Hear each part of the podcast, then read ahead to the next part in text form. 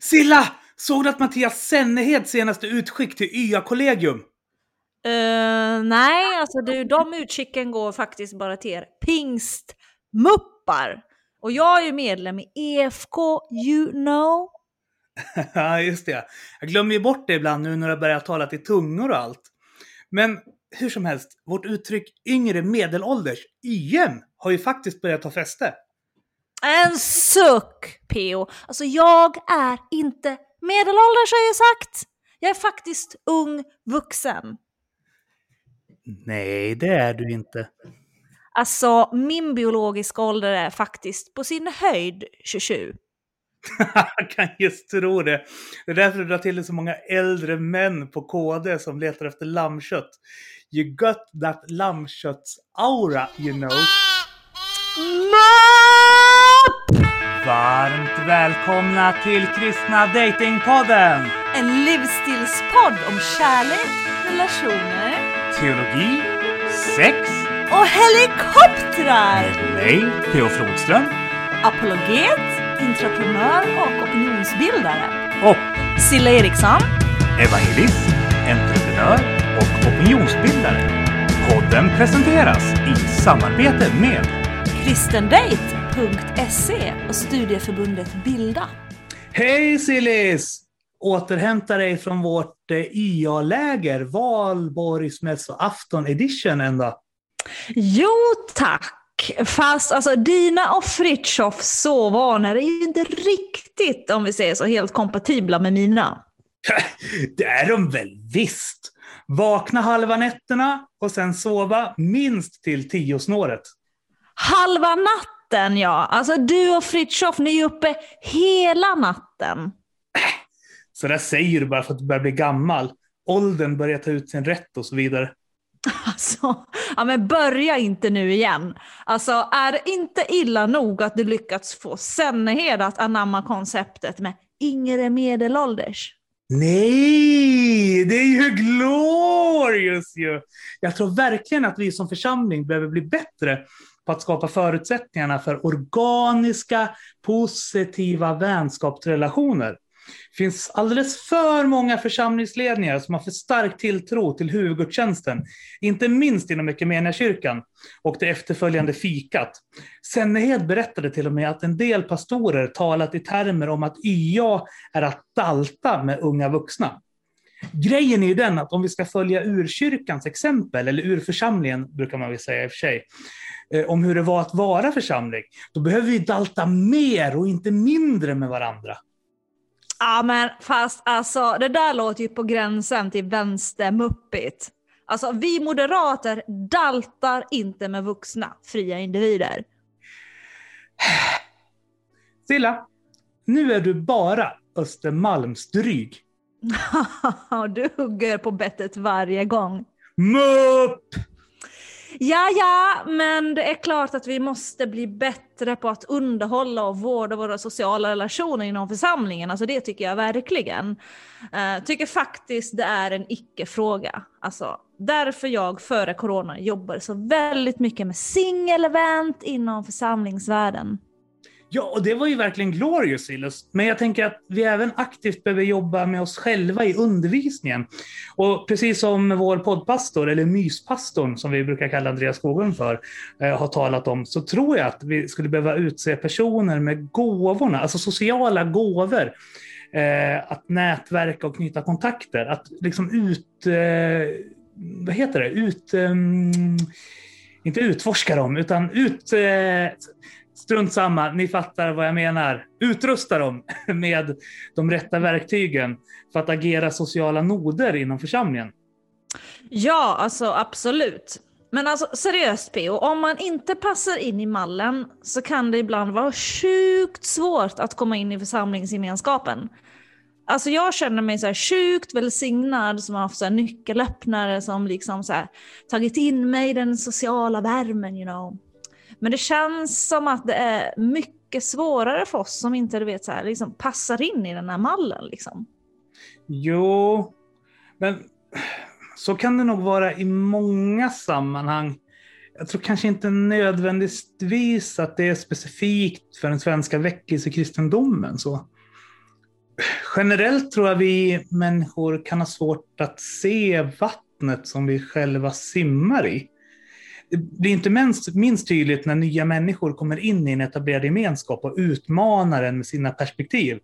Oavsett om det är i egenskap av en ny ingift familjemedlem eller om du är ny medlem i Grön Ungdom, i Lugnetkyrkan eller varför inte Vänsterpartiet Bålänge. Ja, så sant. Alltså, det finns ju en del fördomar får man ju ändå säga mot oss frikyrkliga som vi själva stundtals är ganska duktiga på att liksom själva reproducera. Ta till exempel det här med att många utanför vår miljö tror att du bara för att liksom passa in hos oss alltid måste du vet vara så här hurtig och lycklig och glad och from och snäll och självutgivande och så liksom. Ja du, och att vi alltid förväntas vara propert och moderiktigt klädda. Alltså Silla, på Örebro teologiska högskola, där brukade vi skämta om att det var tur att pingströrelsens ALT-studenter besökte oss ibland, så att ni EFK-are kunde få modetips. Men det finns ju andra interna nidbilder också, till exempel som att eh, missionsförbundare handlar alla sina kläder på second hand. alltså Pio, när det kommer till mode så spör jag dig varje dag i veckan, det vet du. Det är enbart för att jag är uppväxt i Svenska Missionsförbundet, din snobb. Aha, aha. Du kan vara snobb, mister. Det räcker inte med en så här vedeldad badtunna. Jag behöver också ett så här topputrustat lyxspa. Men fler grejer som definierar vår kultur tror jag är att liksom många så här intresserar sig för scouting och gillar att spela innebandy. Och de flesta är dessutom aningen fotointresserade. Och använder Macbook Air och är mer eller mindre professionella ljudtekniker och musiker. well, Mac använder jag också, men jag är definitivt ingen musiker även om du lurar mig till att sjunga offentligt så här jämt och ständigt. Fast din tolkning av Above All till julspecialet var ju superbra, vilket för mig till nästa kulturella fenomen. Vi har en egen musikstil som påminner om en blandning mellan slagers, Coldplay och powerballader som vi sjunger tillsammans medan vi blundar och viftar med händerna långsamt i luften och ibland klappar oss med ena handen på bröstet som ifall vi skulle vara nära att få en hjärtinfarkt. Men vi är ju också renlevnadsmänniskor som aldrig så skulle komma på tanken att ens här, inkludera alkohol, tobak eller importerat kött i våra kostvanor.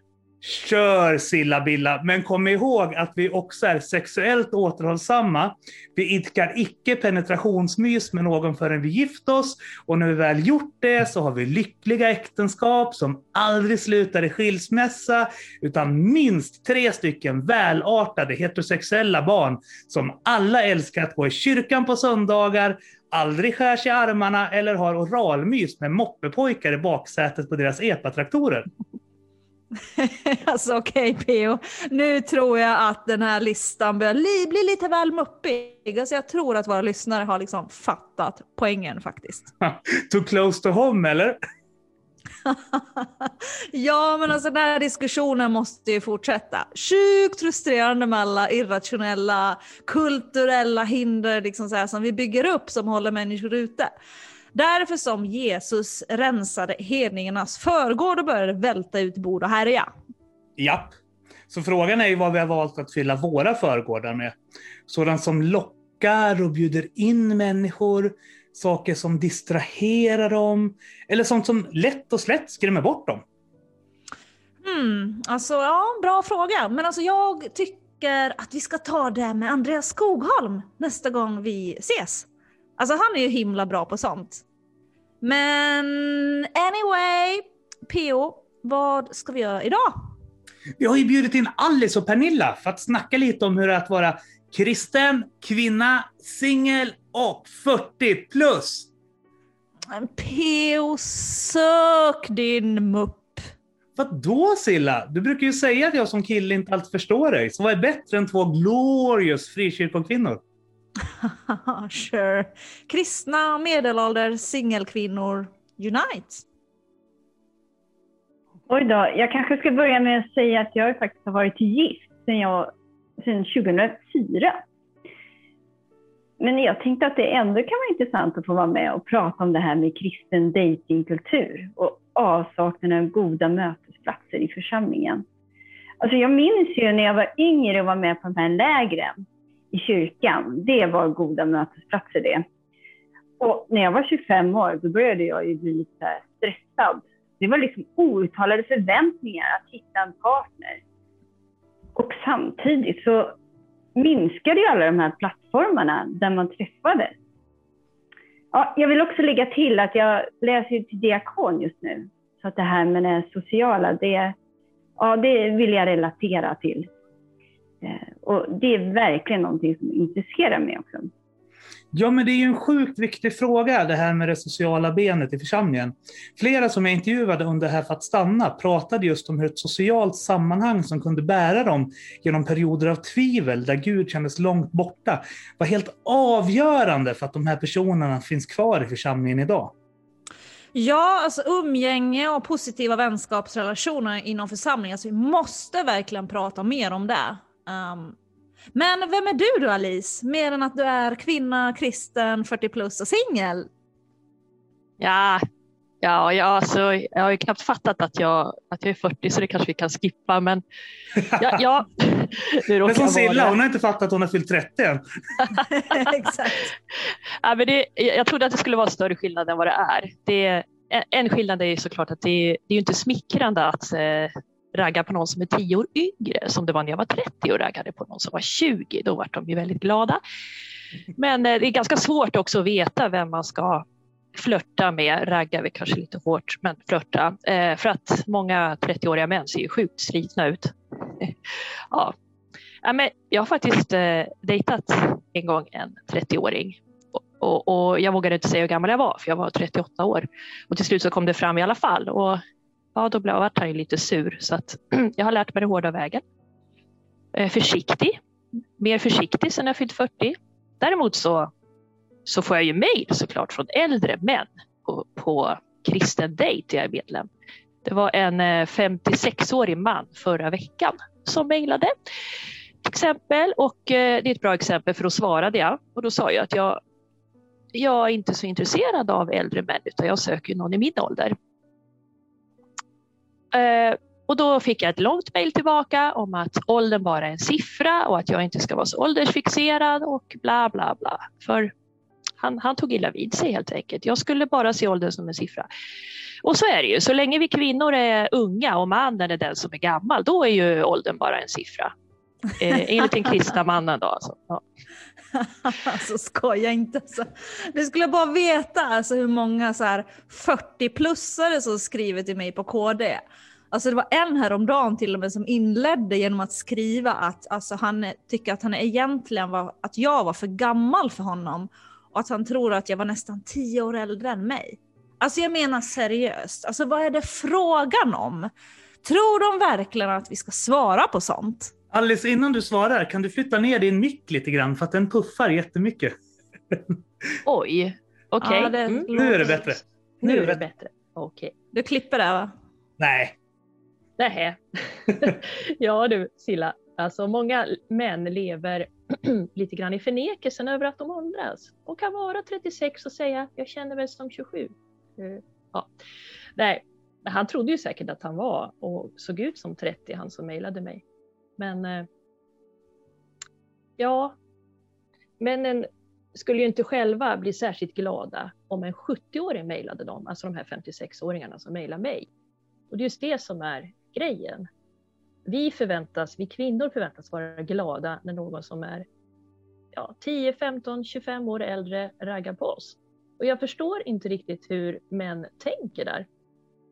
För jag menar, vi åldras ju alla och attraktionen måste väl vara ömsesidig. Alltså, dessutom så ska man väl vara på samma planhalva med, med den partnern som man vill leva resten av livet med. Så jag, jag har funderat på om det, om det är samhällets åldersfascism som helt enkelt har smittat av sig på, även in på kristna män. Alltså åldersfascismen som handlar om att man ska vara ung för evigt och ungdomen är allt som räknas. Alltså jag, jag tycker att det, att det är synd, för kyrkans män borde ju vara lite bättre. De borde inte vara så känsliga för de här ytliga samhällsströmningarna. Och de borde ju också vilja hitta någon som, som är på deras planhalva som de vill leva med.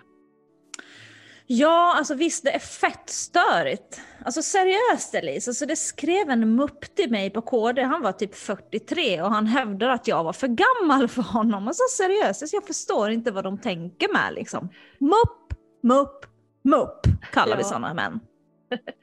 ja, det är så illa.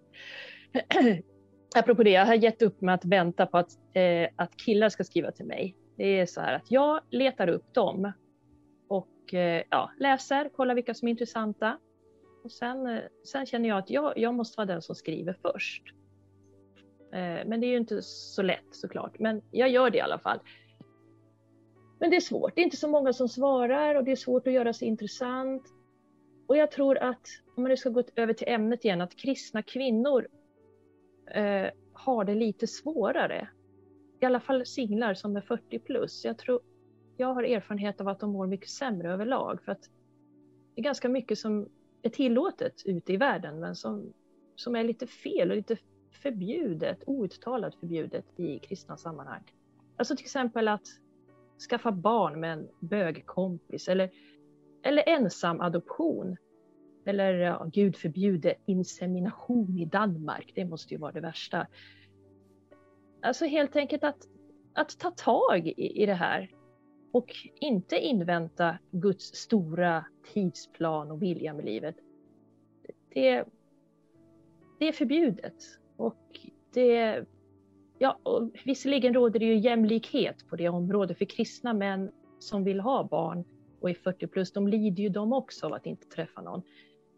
Men eh, det är ändå annorlunda mot kristna kvinnor för att vi har ju helt enkelt andra utanför kyrkan, ateister eller ja, som bara inte är med, som, som vi kan jämföra oss med. Och, och då känner man ju sig begränsad när man ser vad de hittar på. Om de kommer hem med insemination från Danmark till exempel. Och så, så frågar man Gud, ja, vad ska jag göra? Varför kommer inte min man som jag ska bli ett kött med och skaffa tre barn med? Och, och en dag så är det plötsligt för sent och jag har några sådana vänner eller väninnor. Eh, och det, ja, det skapar ju kan ju skapa en livslång depression, så det här är, det är ett allvarligt samtalsämne. Jag har ju åtminstone själv ett barn sedan tidigare, därför jag pratar om dem nu. Så att för mig är det ju inte samma stora kris. Men som sagt, det, det finns många kristna kvinnor där ute som verkligen krisar i min ålder. Mm, ja, alltså jag, jag känner ju verkligen igen det där så fett mycket, Alice. Alltså jag läste en intressant artikel från hela pingsten som handlade om tio saker som kristna kvinnor hatar att höra. Och jag måste säga att jag kände inte igen mig allt, men en grej som jag märkt är provocerande är kvinnor så här, vars högsta önskan inte är att skaffa barn. Och jag läste kommentatorsfältet på Sara Grenholms artikel där hon, ehm, alltså folk på riktigt var liksom så provocerade över att hon och Mikael inte så kände någon barnalängtan. Jag menar, who cares liksom? Ja, men jag håller med dig helt så här, Silla. Som vi nämnde tidigare har vi alldeles för många rationella, kulturella hinder som stänger ute människor. Eller ännu värre gör så att det som finns mitt ibland oss inte känner sig välkomna och lämnar församlingen. Min barndomsdröm är ju mer som Alice väninnor ger sken av att den alltid varit att gifta mig och bilda familj. Serien Seventh Heaven är liksom på riktigt min favoritserie som tecknar bilden av mitt drömliv. Så.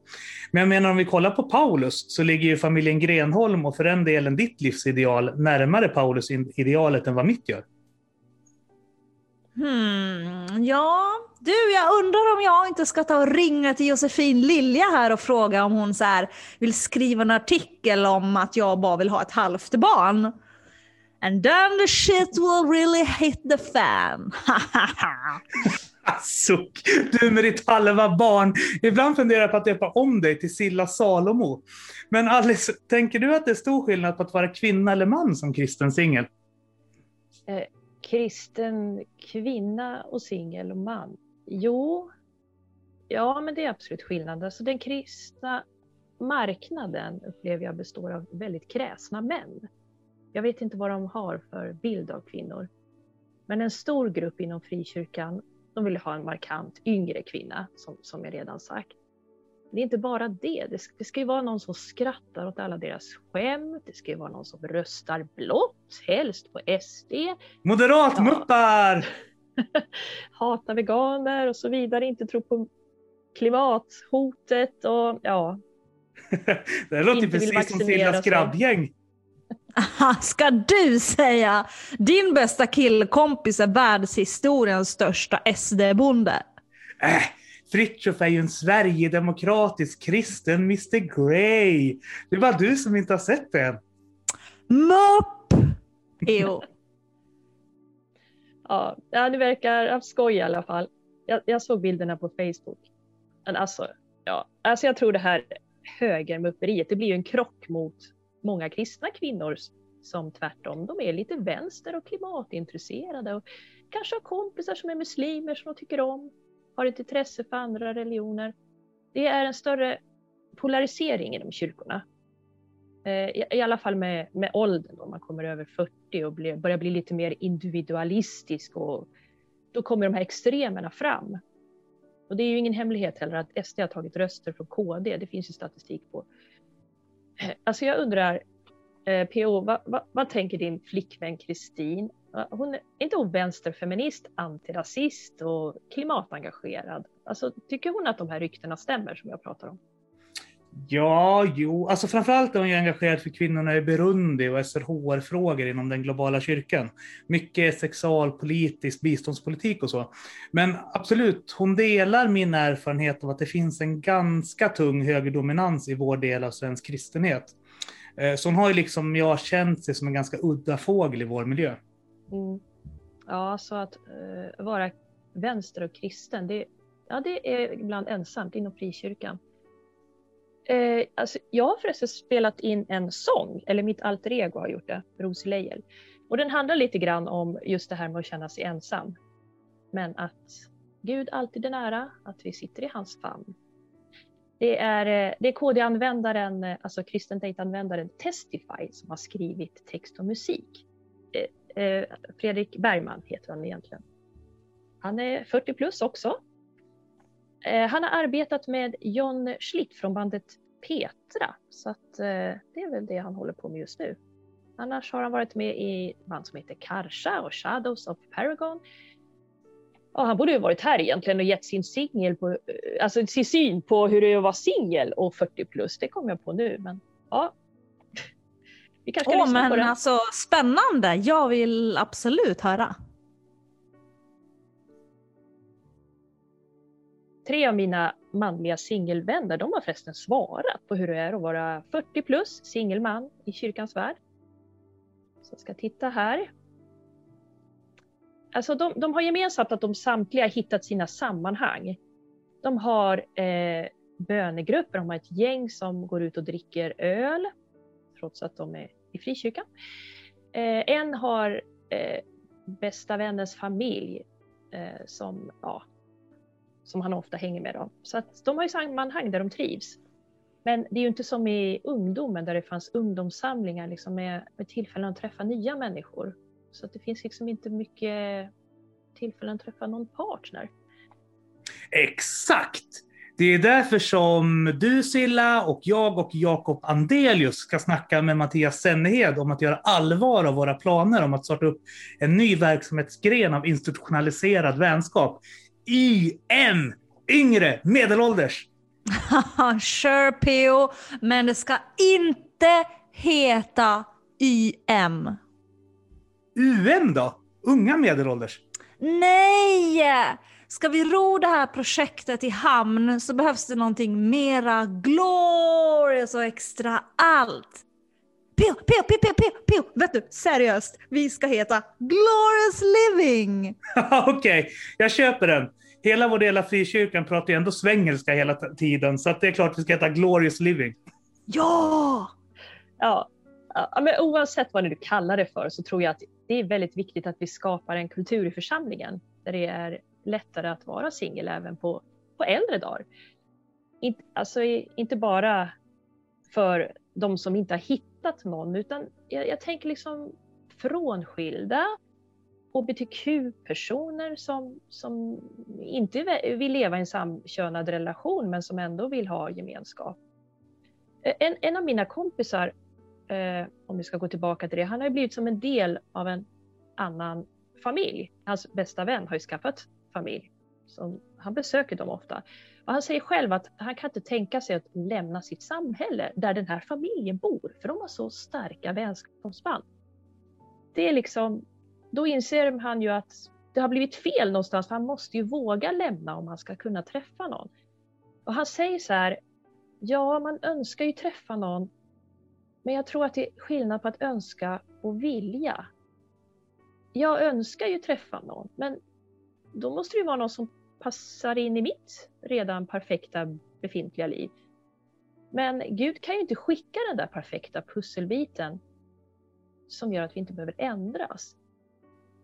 Så han har pratat mycket om att gå från önska till vilja. Och när man går till vilja, då är man beredd på att kämpa, man är beredd på en förändring. Men eh, han har inte något konkret tips på hur denna förändring ska gå till han behöver ju träffa en kvinna med ett oändligt tålamod som kan vänta in honom. Men å andra sidan är han ju redan 40 plus, så vad har han att vänta på? Och ja, det är lite svårt där och han ser inte hur ska han göra? Eh, ja, hur ska han göra detta? Han föredrar såklart att bli uppraggad, men det kommer ju inte hända. Precis Alice. Och glöm inte att great things never comes from comfort zones. Nej, men så är det absolut. Jag har alltid sagt att jag aldrig kommer flytta till Stockholm. För mig har det alltid varit lika osannolikt som det vore för Silla att börja dejta en vänstermupp från Göteborgs hamn. well, göteborgare är ju ganska söta i och för sig. Så jag kanske skulle kunna ge ett undantag där om du har någon riktigt from, söt mm, eh, civilekonom i blåglansig skjorta. Men du, vad sa du förresten um, de andra grabbarna, Alice? Ja, den andra är med i en eh, bönegrupp då, så han har ju inte lika starka vänskapsband. Men där är det ett annat problem. Han känner att väns, alltså den här eh, vänskapen där som, som är lite ytlig, att, att, att det har blivit lite skönt och det är skönt med ensamheten efteråt. Han känner liksom att han är fri att göra vad, vad han vill. Och det har blivit mer värt än något annat. Så när vi pratar om relationer och sånt, då får han bara huvudvärk. Och, och, och bara, åh vad mycket kompromisser, åh, och så ska man behöva växa som människa, jag har väl växt nog, tyckte han. Han, han har faktiskt sagt att han tror sig inte vara gjord för relationer, men, men samtidigt så vill han ju någonstans ändra sig. Han pratar också om att han, han kan inte se när kvinnor är intresserade. Och det, är så, och det är så viktigt, och det har jag hört ofta, att det är viktigt för män för att kunna ta någon form av initiativ, att kunna se det. Så han skulle vilja säga eh, att, att, att kvinnor snälla blir lite bättre på att visa ett intresse och vara lite mindre skeptiska och, och liksom ge mig en chans. Han, han är ju rädd att, eh, ja, att bli avvisad eller att anses slibbig. Det är faktiskt många män som är. Och eh, ja, han blir rädd att ibland faktiskt bara om någon attraktiv kvinna tittar på honom och pratar med någon annan på avstånd samtidigt. För då tror han att de pratar skit om honom. Men, det där kan jag verkligen identifiera mig med. Inte det om att jag föredrar att vara singel, för det gör jag verkligen inte. Jag säger precis som Silla där, jag är inte gjord för att leva ensam. Däremot så tycker jag det är sjukt svårt att veta när någon är intresserad av mer än vänskap. Och just det där med att man vill inte uppfattas som slibbig eller påflugen och så. Nu i början när jag träffade Kristin så fick jag lov att ringa till Silla och Tess flera timmar varje dag för att analysera vad hon menade med olika saker. Tess förordade en ganska offensiv linje i dejtingsammanhang. Som tur var så fungerade det i just det här fallet. Ja, ja men vi människor är ju olika. En del är ju som katter, andra är som hundar. Som du och Silla. Ja, jag gillar ju verkligen hundar. Jag funderar ja. på att skaffa en typ en liten tax eller någonting. Det vore ju ja, så mysigt. jag kunde just tro det. Ja, men samtidigt är många av oss katter. Ja, det är som den tredje killen, han är katt. Okej, okay, han är lite samma sak som den andra då. Han, han fann också en djup frid i ensamheten, men han såg det ju som en befrielse. Att han inte måste jaga den rätta, för han hade hållit på att jaga den rätta sedan han var 20 som alla andra. Så när han fyllde 40 då, åh, vad skönt det är med ensamhet och vad skönt att jag kan känna så. Typ. Och den friden, den är jag livrädd att den ska tas ifrån honom.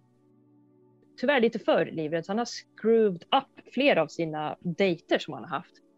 Och alltså, det har varit, han har verkligen letat efter konflikter, så, så, så ja, meningsskiljaktigheter så att han har haft en anledning att göra slut. Han, han, är, han är bara för mycket åt det hållet istället. Men han är den som är lättast att för tjejer också. Så, ja. Ja. Ja, nej men alltså du, ge mig hans nummer så ska jag ge det till David. Alltså det låter ju som att den här snubben, han är ju sjukt ambivalent och otrygg i sin anknytning. Det vågar jag, jag säga. Alltså. Mm, en Silla-kille med andra ord.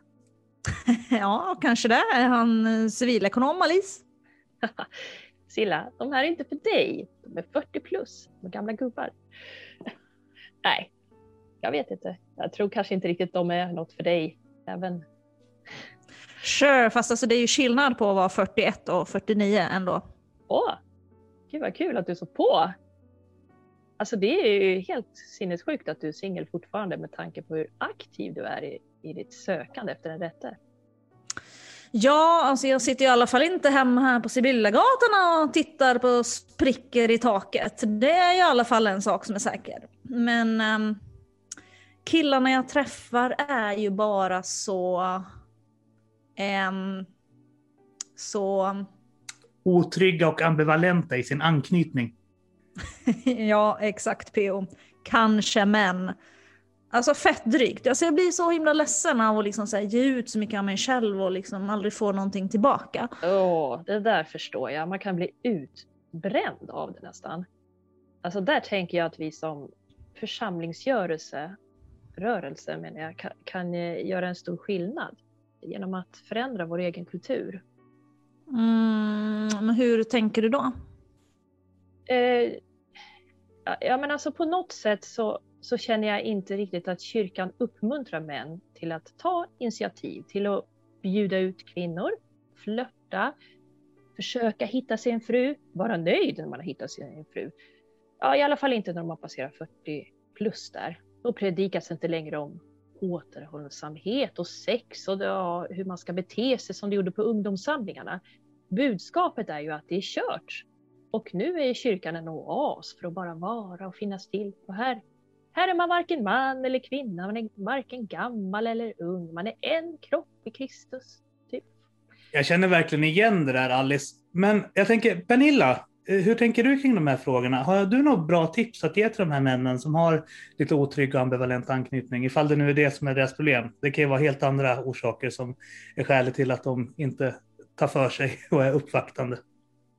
Ja, och hur kommer de ur sin bekvämlighet och börjar tänka att det inte är kört? Att ensamheten eller gamla så här, ingrodda vanor inte är allt faktiskt som livet har att erbjuda. Mm, mm. Tack för den bollen. Det här är verkligen inga lätta frågor. Alltså det låter ju som ganska tre kloka män som har funderat en del över sina relationer. Så att Nej, det är svårt att ge tips utan att bli några slags pekpinnar. Men alltså jag skulle säga att det är faktiskt okej att leva ensam om man vill det. Och det är till och med okej att vara bekväm. Men att leva ensam på grund av att man tänker att det är kört eller inte våga lämna sina vanor av bekvämlighetsskäl, ja, då får man nog kanske fråga sig själv varför man tror att det är så. Det kanske inte har varit lätt med nära relationer någonsin. Alltså ensamhet är ju faktiskt någonting som många kämpar med. Men det finns ju faktiskt hjälp att bryta det här. Eh, det går ju bra att liksom gå och prata med någon. Gärna någon professionell, någon som har lite koll på sånt här eh, och få lite verktyg eller en ny syn på sina vanor. Men sen har ju vi faktiskt i kyrkan en Gud som, man kan, som vi kan be till om hjälp och ledning. Och relationen med Gud ska ju faktiskt vara grunden till allt. Så att jag tänker att arbeta med både sin självbild och gudsbild, det är nog det viktigaste. Ja, att vi som församling måste bli bättre på att prata om det här med kärlek, relationer, sex och för den delen helikoptrar! Yay!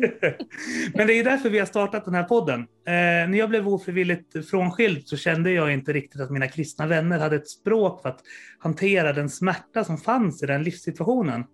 Eh, jag registrerade en användare på Kristen Date där Silla började skriva till mig och vi upptäckte att vi hade liknande erfarenheter.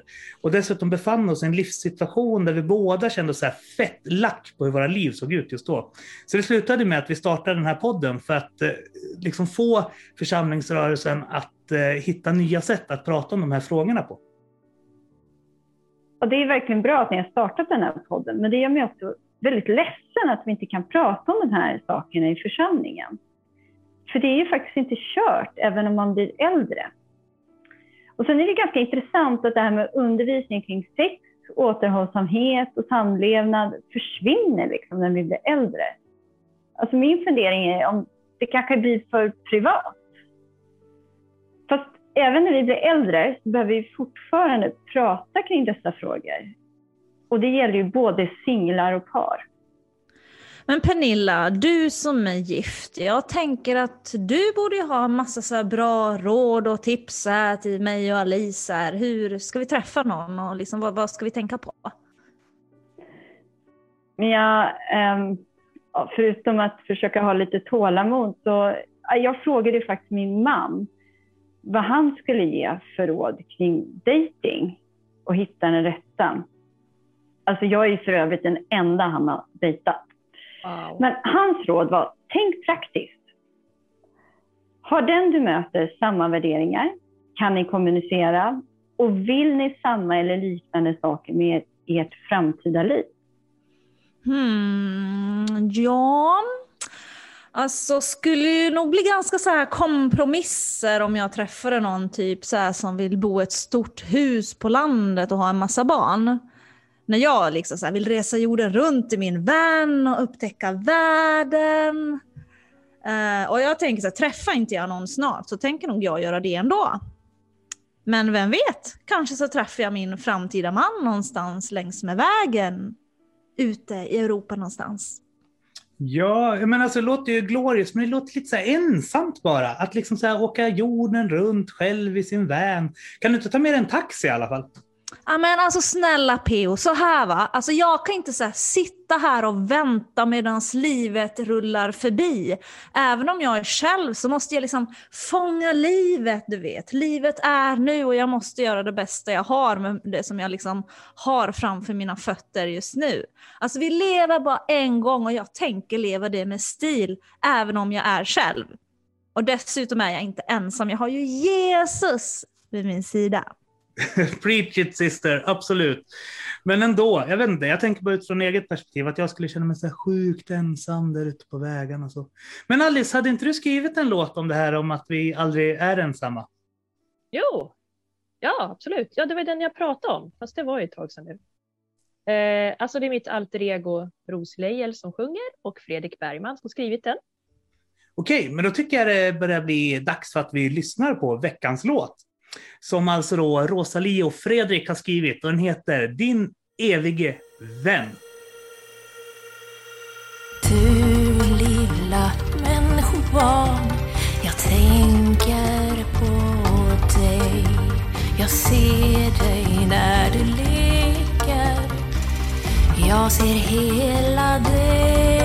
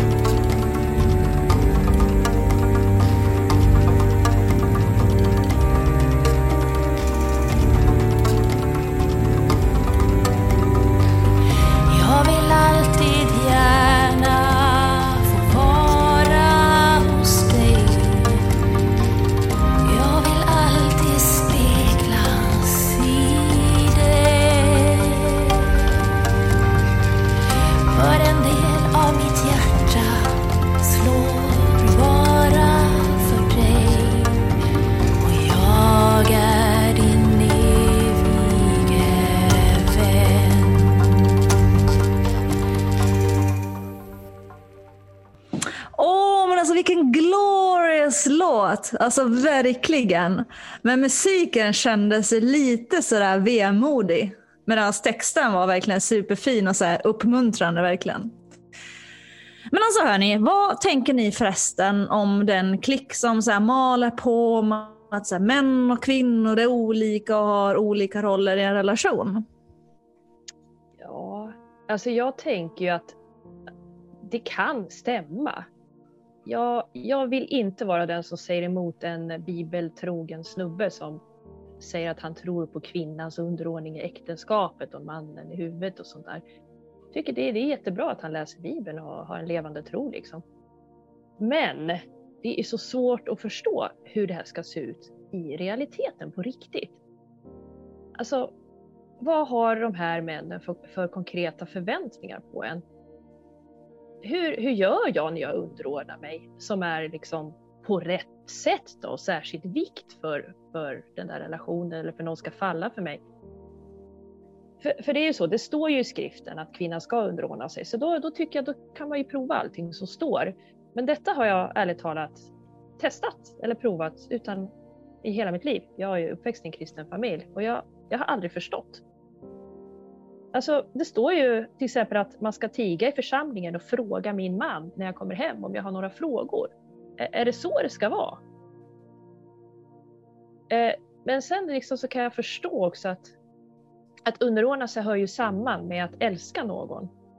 För att om man vill att någon ska må bra, då, då, liksom, då ser man ju till att de kan uppfylla sina drömmar och önskningar och man kanske står tillbaka lite grann och, och, och ger dem utrymme för sina intressen eller för att uttrycka sina åsikter och sånt där. Så det, det tycker jag det ingår. Så, eh, ja, men till exempel, om, om jag nu skulle träffa en man som älskar fotboll, då skulle jag hänga med och se på skiten, även om jag tycker det är äckligt tråkigt.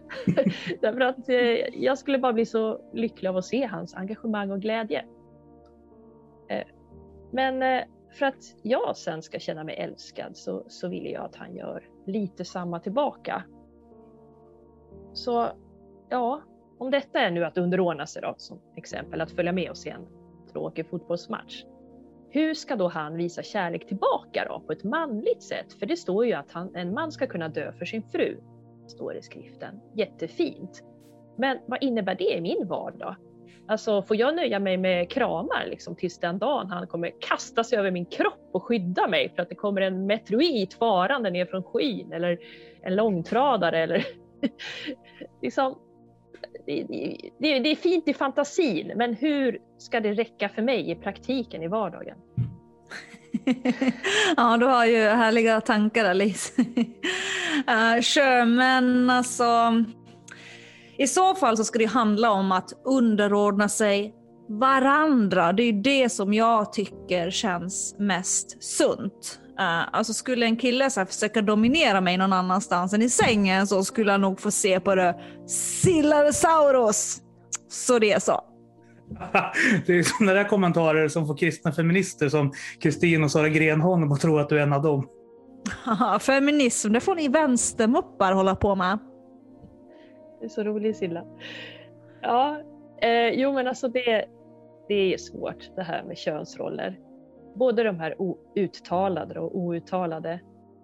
Inte minst nu i, i relation till den samtida majoritetskulturen. Men jag, jag, tror faktiskt att det är lika svårt för killar. De ska ju vara framåt och ta initiativ och bestämma och visa manlighet. Men men hur ska de vara det på ett behagligt sätt utan att bli så här creepy? Många är, är ju faktiskt uppskrämda av den här metoo-rörelsen. De är rädda liksom för att vara för på och för styrande. Så hur ska de då följa Bibeln och vara den styrande och samtidigt liksom göra kvinnan nöjd så hon inte tycker han är jobbig och obehaglig? Ja, jag och manliga vänner de har ju svårigheter att göra kvinnor nöjda. De säger att nej, men kvinnor blir aldrig nöjda. Men ja, vad skulle du säga? Ja, nej men eh, intressanta tankar och jag tänker att det finns inget så superlätt svar. Men så länge de klarar av att jag tar initiativ så är det okej okay med, ja, okej med ifall de är lite mer så blåa och lugna och trygga och sådär liksom. Ja, men alltså, det viktigaste är ju att man kompletterar varandra. som ni som dejtar så kanske man kan fundera över ifall det vi tror oss leta efter är verkligen det vi behöver. Ja. Ja det, det där var faktiskt sant. Vi är sådana perfektionister när vi letar och jakten på perfektion, det är ju bägge könens största fiende. Ja men verkligen, det känns verkligen som att vi är väldigt, väldigt kräsna. Och det är ju någonting som vi ska prata med Josefina Renius om i ett kommande avsnitt, om just vilka förväntningar man kan ha på sin eh, prins eller prinsessa. Åh, det låter ju oerhört spännande. Ja, Josefin är ju en sjukt grymt fängslande föreläsare. Ni har ju en spännande mix på gästerna. Jag såg att ni hade Roshamn häromveckan och nu Arrhenius. Ja. Alltså det är ju stört omöjligt att placera var Kristna Dating-podden befinner sig på samfundskartan, i alla fall om man ska titta på er gästlista. Alltså jag skulle tro att vi nog befinner oss ändå ganska nära dagen och sändaren. Aha. Det är därför ni har hela ledarredaktionen för Världen idag som gäster i vart och varannat avsnitt. Point taken. Men för att återkoppla till Christer Rosam. Hur ser ni på att träffa någon utanför kyrkan? Det är en fråga där jag är ganska överens med Världen idag-gänget medan Silla stundtals, stundtals befinner sig mycket närmare sändaren. Mm, alltså, jag är ju gift, men jag tänker att förväntningarna på livet och värderingar kan ju skilja sig väldigt mycket åt även om man båda är kristna. Ja men exakt, eller hur? Och vem är egentligen kristen? Alltså jag har ju träffat på många som jag inte känner liksom har så någon andlig samhörighet med överhuvudtaget. Alltså om vi tänker på pingströrelsen så tror jag tyvärr att det finns en del där som mest går av social slentrian. Alltså man är född in i kyrkan, så går man bara dit. Och så äger man inte riktigt någon egen levande tro. Alltså det här finns ju förstås i alla kyrkliga sammanhang. Ja, så jag har dejtat killar som säger att de är kristna. Men sen i, i vardagen så, så får man inte dela tron med dem. Vi, vi, kan inte be tillsammans och de vill inte prata om sin tro. Därför att det har blivit för privat. De tycker tron är privat. Och jag menar, ja det är klart att den är privat. Innerst inne har väl alla sin variant. Ingen människa tror exakt som en annan. Men det ska inte behöva bli liksom så, att, så att man inte vill prata om det, skäms och är rädd för konflikter. Och, alltså, jag, jag, jag saknar öppenheten och upptäcka glädjen i att lära känna den andres olikheter hos de här kristna männen, för det är det som är grejen. Det är ju sån jag söker, oavsett vad han tror på. Det är det någon som är öppen och vill dela med sig av sig själv. Ha, gärna en indier eller hindu, det vore roligt. Det skulle ta hela livet att upptäcka hans gudstro, för den är så olik. ja, det är ju roligt, en indier alltså. Ja, det hade verkligen tagit tid att utforska, jag kan just tro det. Alltså, ja, nej, men alltså, ibland kan det ju verkligen så finnas människor utanför kyrkan som är mer öppna för att just prata om existentiella frågor. Eh, sen är det ju många kristna män som jag träffar som inte alls, tycker jag, har behandlat mig bra, utan som har mer liksom så här varit ute efter en sexuell relation kanske. Medan killar utanför kyrkan varit mer så här hänsynstagande till mina sexuella principer och så. Tråkigt att höra det där med att du inte träffat bra killar i kyrkan, Silla. Eh, och angående det här med öppenhet inför olika perspektiv så håller jag helt med dig. Alltså jag tror ju att i en relation där man inte kan prata om allting av nödvändighet så blir det andefattigt. En levande kommunikation är alltid nyckeln, tänker jag kanske skulle satsa på flera grupperingar i församlingen har jag tänkt. Alltså vi har ju olika åldersgrupperingar och aktiviteter för olika åldrar upp till alltså ungdomssamlingar då som är 25-årsåldern. Alltså för barn och unga. Okej, ibland till 35-årsåldern, men det är ganska ovanligt. Men eh, jag tänkte så här, skulle det inte vara något att ha rent allmänt barnfria vuxensamlingar på lördagskvällar? Alltså man kunde träffas och bovla eller gå en skogspromenad och, och så avslutar man med lovsångsmöte vid lägerelden. Det blir precis som en ungdomssamling fast för äldre. Ja, nu passar ju inte jag in där då. Jag, jag är ju singel fast med barn, men men jag tänker överhuvudtaget att något måste göras och det vore så roligt att ha aktiviteter för singlar. Alltså inte bara de här familjegrejerna. Så som ett alternativ till krogen så, så, så, träffar man, träffas man och gör roliga saker i kyrkan. Som vuxna singlar gör i Sverige, fast i kyrkan, utan alkohol. Ja men verkligen, alltså det, det tror jag också att vi behöver mer av, definitivt. PO, vi, vi får ta tag i det här. Ja, men det är precis det som eh, Glorious Living och eh, YA, nej vad skulle vi kalla det för? Y, yngre, YM är tänkt att vara. vi hade ju ett sånt läger här under valborgshelgen. Jag brukar ha två till tre sådana årligen. Så att Alice, du eh, antingen skaffar barnvakt eller ta med barnet. Jag vet inte, det finns fler i det här gänget som också har barn. Så att vi får kolla så kan vi oh. synkronisera det så att vi antingen kör att alla de har med sig. I och för sig, det blir jättemycket barn. Det blir så här 12 barn ifall alla ska ha med sig barn. Nej, vi struntar Du får skaffa barnvakt. Eh, men vi brukar i alla fall ha två till tre sådana årligen. Eh, och vi kallar dem för teologhelg. Eh, och då förbereder vi lite seminarier kring spännande ämnen. Eh, efter att eh, jag träffade på Silla och vi startade det här projektet så har vi även mixat upp det med poddinspelningar. Så nu senast så spelade vi in två avsnitt om pengar och ett om politik. Och så badade vi badtunna och spa och grillade och spelade kubb och liksom det här vuxenlägret som du efterfrågade. Wow. Men som sagt i diskussionerna så kan det ju hetta till ibland. sure. Fast inte riktigt liksom hot på det sättet jag uppskattar. Det var för få civilekonomer alltså? Men Pernilla, tillbaka till ämnet. Hur skulle du säga att ett kristet äktenskap ser ut? Ett kristet äktenskap, hur det ser ut? Jo du Silla, precis som alla nära relationer handlar det om att kommunicera och att kompromissa. Det är inte lätt alltid, liksom i en dans på rosor. Ett äktenskap handlar ju faktiskt om att dela allt i livet. Livet rymmer mycket, men inte bara glada dagar. Sedan jag upptäckte att jag upptäckte när jag gifte mig, det är att uppdelningen mellan singlar och icke-singlar blev större. Alltså, det är klart, det hade jag ju inte upptäckt innan på samma sätt. Men många par umgås med andra par. Om man inte hittar par som man trivs med att umgås med så kan det ju bli svårt. Det kan ju liksom bli lite ensamt.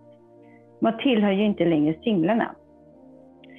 Men att kännetecknet för ett kristet äktenskap, ja, men då tänker jag nog att man ber tillsammans, att det finns en Gud att vända sig till när livet krisar. För det kommer ju att krisa, frågan är om bara när. Och när man räknar med Gud så tror jag att man inte ger upp lika lätt när det kommer en kris.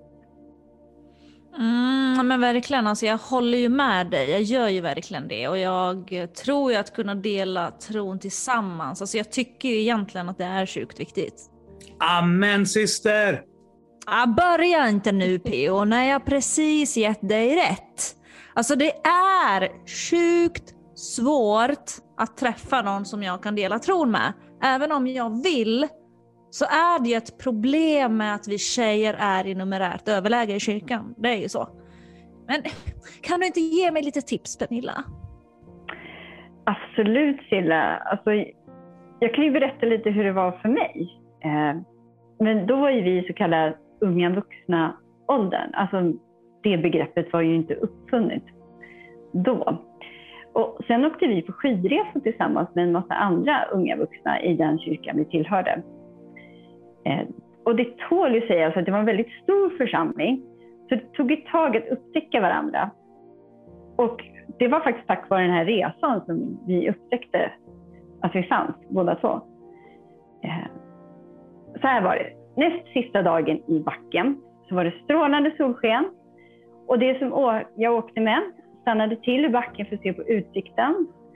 Eh, och när vi stod där så kom en skidåkare i full fart och han körde på mig och av kraften åkte jag in i en kille. Och jag skadade knät och fick åka släde ner. Eh, så det var ingen mer skidor för mig på den resan. Och så tog vi den här bussen. Det tog typ 48 timmar att åka eller något sånt, 24 timmar kanske. Jag minns inte, det var väldigt lång tid i den där bussen. Och när den kom fram utanför kyrkan så frågade killen som jag åkt in i om han fick lämna sina skidor hemma hos mig. Så jag bodde bredvid skiduthyrningen. Och jag hade också hyrt där. Och sen när vi skulle lämna in dem dagen efter så blev jag bjuden på lunch i samband med inlämningen. Åh, vilken trevlig lunch det var. Så där började mitt intresse. Ooh, men så romantiskt. Ja, jag kan just tro det. Och vad roligt med en kille som du liksom också så här, men kan göra grejer med liksom, och vara aktiv tillsammans med. Det låter ju inte som att det var någon soffpotatis. Men du, berätta, vad, vad, vad hände sen? Ja, men sen så umgicks ju vi i samma gäng och så började jag skicka en massa sms. Jag började bjuda på lunch. Jag såg till att vara på samma ställe som han. Men jag fick faktiskt ingen respons. Ja, så jag var på väg att ge upp och jag pratade med Gud om detta. Så vid första advent hade jag ett öppet adventsfika hemma hos mig. Det kom massa folk. Och jag tänkte att han hade sagt att han skulle dyka upp. Men det tog ju så lång tid innan han dök upp. Och sen när han väl dök upp, då hade många droppat av. Och då säger han plötsligt att han har två biljetter till en julkonsert på kvällen. Och undrar om det är någon som vill följa med. Alltså sådär bara allmänt säger. Men jag tog snabbt tillfället i akt och sa, eh, jag hänger gärna med. Och efter konserten så åkte vi hem till mig och drack te och pratade. Så då bestämde vi att vi skulle dejta en tid. Alltså, vi och vi bestämde. Egentligen, han hade funderat hur han ville ha det om han träffade någon intressant. Och det var att be tillsammans varje dag under 30 dagar. Så det gjorde vi. Och vi hade många långa samtal på telefon och luncher, promenader, prat och bön. Och efter 30 dagar blev jag bjuden på en romantisk middag med promenad och han hade skrivit en lång dikt till mig. Och sen blev det liksom vi. Och det här var ju en stor överraskning för våra vänner när vi berättade på nyårsafton. Det hade jag liksom inte anat. Men åh, men så romantiskt så här liksom att bestämma 30 dagar, vi ber tillsammans under de dagarna. Så det låter ju, låter ju så helt perfekt. Alltså det här tror jag att jag också ska anamma med nästa jag dejtar. Men det låter ju som att du har den då tålamod. Det är ju någonting som ja, jag kanske skulle behöva lite mer av ibland. Ibland kanske lite Ja. mindre. ja, definitivt Silla. Ja, alltså fast när jag liksom så här träffar någon som jag tycker om på riktigt så vill ju jag typ så här helst gifta mig igår.